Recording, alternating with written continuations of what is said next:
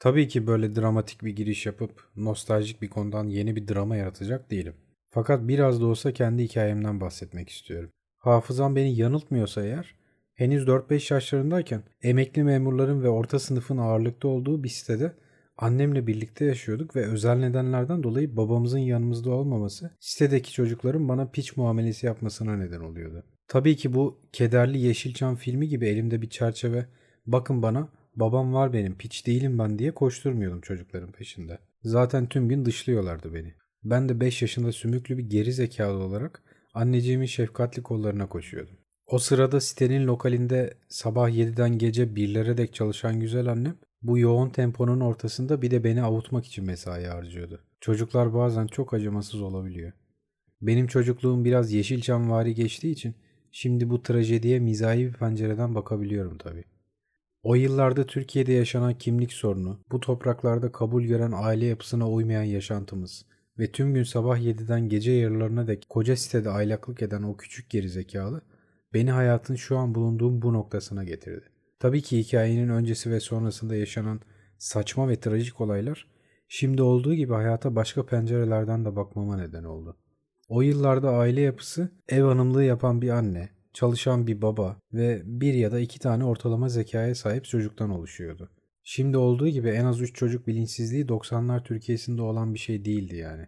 Gerçi bu durum 2000'li yılların başına kadar da korudu kendini ama sanırım 2002 yılından sonra bir şeyler oldu. Ben gibi çocukluğunu 90'larda ergenliğini 2000'li yıllarda geçiren 30'larının başındaki insanlar bilir ki siyaset ancak yetişkinlerin akşam sofralarında mühim meseleler konuştuklarını belli eden önemli bir meşgaleydi. Pazar hafta sonları babaların gazete okuması yalnızca ülke gündemini takip ettiğini belli eden bir meşgale değildi de onun evde olduğunu belli eden bir tür oyun ve bu oyunun bir parçası gibiydi.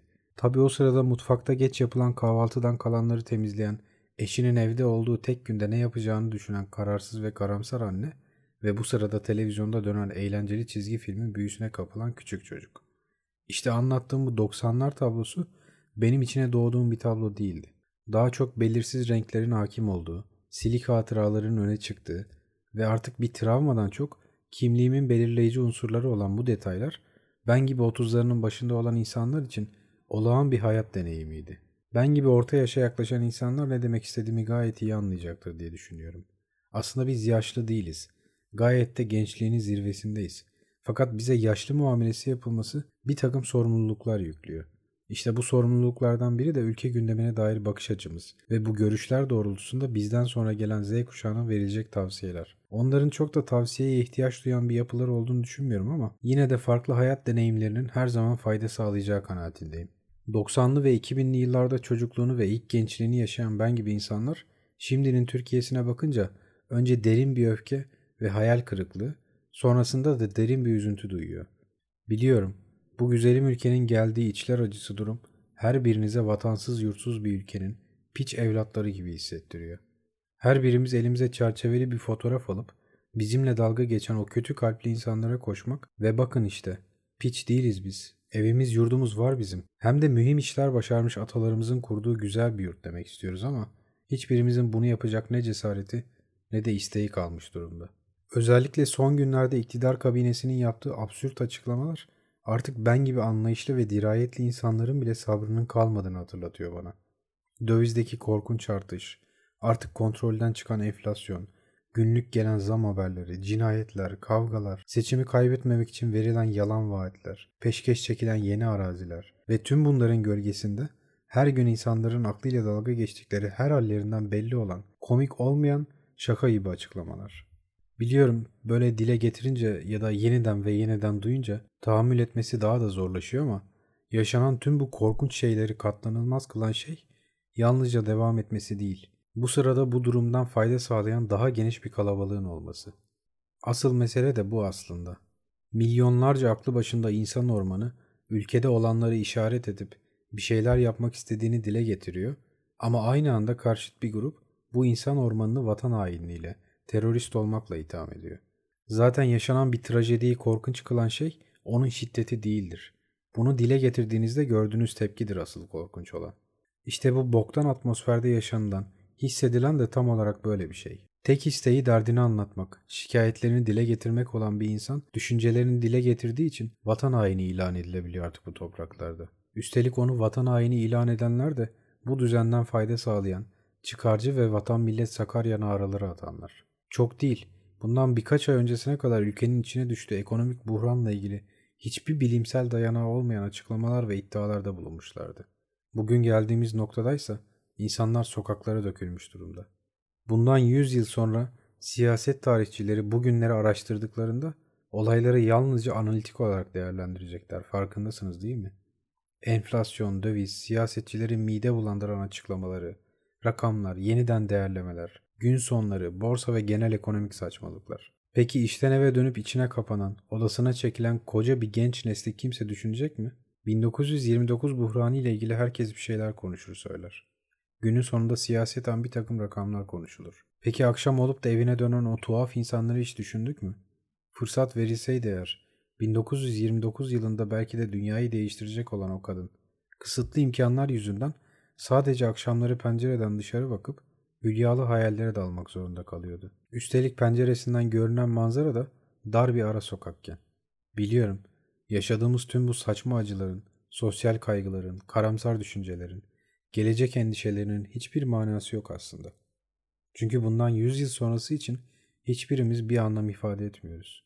100 yıl sonra insanlar geriye dönüp baktıklarında bugünleri ancak siyaseten bir ders çıkarma rehberi olarak görecekler. O da eğer günün koşullarında bu topraklarda yaşayan insanlar gerekli eğitim ve refah seviyesine ulaşmışlarsa. Yok eğer hala siyasal İslam'ın hüküm sürdüğü bir Orta Doğu artı ülke olarak devam ediyorsa hayatına, sadece bizim değil, ülke olarak yaşadıklarımızın da bir manası kalmaz. Ben yine adettir diyerek tarihe dijital de olsa bir not düşmüş olmak isterim ama. Tarih 23 Kasım 2021. Ben bu podcast hazırlarken yani birkaç günlük süreçte dolar 11 liradan 13,5 liraya fırladı. Ve bu korkunç ekonomik burhanda siyasal iktidar, daha doğrusu başkanlık sistemi nedeniyle yönetimde tek adam olarak bulunan Erdoğan, konuyla ilgili sorumluluk alan ve çözüm üreten hiçbir açıklama yapmadı. Yetmezmiş gibi kurmayları insanların akıllarıyla dalga geçen, daha doğrusu tüm ülkeyle taşak geçen bir takım açıklamalarda bulundular. Ve bulunmaya da devam ediyorlar. Tarih itibariyle ülkenin birçok yerinde insanlar sokaklara dökülmüş durumda. Ve hükümet istifa sloganları atılıyor. Şimdi böyle not düşüyorum belki bundan 100 sene sonra tesadüf eseri bu kayda denk gelecek kişi için ama tüm bu söylediklerim yalnızca kısa bir an yaşanıp yine yok olup gidecek olan şeyler. İşte siyasal İslam'ın en berbat örneklerinden biri olan AKP iktidarı ve onun ete kemiğe bürünmüş hali olan Erdoğan bu ülkeye ve ülkenin gençlerine bunu yaptı. Elimizden umudumuzu ve bu ülkeye olan inancımızı aldı. Bir ülkenin gençleri olarak elinden umudu alınan, gençliği çalınan ortalama bir vatandaş olmanın ne kadar korkunç bir şey olduğunu hayal etsenize. Bu sözüm tabii ki güncel tarihi paylaştığım insanlara değil. Onlar zaten benzer duyguları paylaşıyorlar benimle. Ben bu uyarıyı bundan 100-200 yıl sonrası için yapıyorum. Eğer olur da o tarihlerde bu topraklarda hala siyasal İslam hüküm sürüyorsa o zaman tek sorumlu söz konusu ideolojinin kendisi değil bu toplumun genetiğidir. Biliyorum sadece 100 yıl değil bin yıl sonra da Mustafa Kemal Atatürk'ün değeri tam olarak anlaşılmış olmayacak. Ama her defasında meğer adam ne kadar da haklıymış denilecek. Ama bundan 100 yıl sonra geriye dönüp de bu ülkenin vatansız yursuz bırakılmış, sadece üvey evlat muamelesi değil, piç muamelesi görmüş gençleri nelerle uğraşmışlar, nelerle savaşmışlar diye bakmak isterseniz eğer, AKP iktidarını ve onun kanser hücresinin mimarı Erdoğan'ı incelemeniz yeterli olacaktır. Umarım tarihin tozlu sayfalarında bile bugünler silinip gitmiş olur. Tıpkı Almanya'nın Hitler'i unuttuğu gibi bu topraklar da Erdoğan ve onun tebaasını unutmuş olur. Yoksa birileri hala eline çerçeveli bir fotoğraf alıp piç olmadığını kanıtlamaya devam ediyor olur. Görüşmek üzere.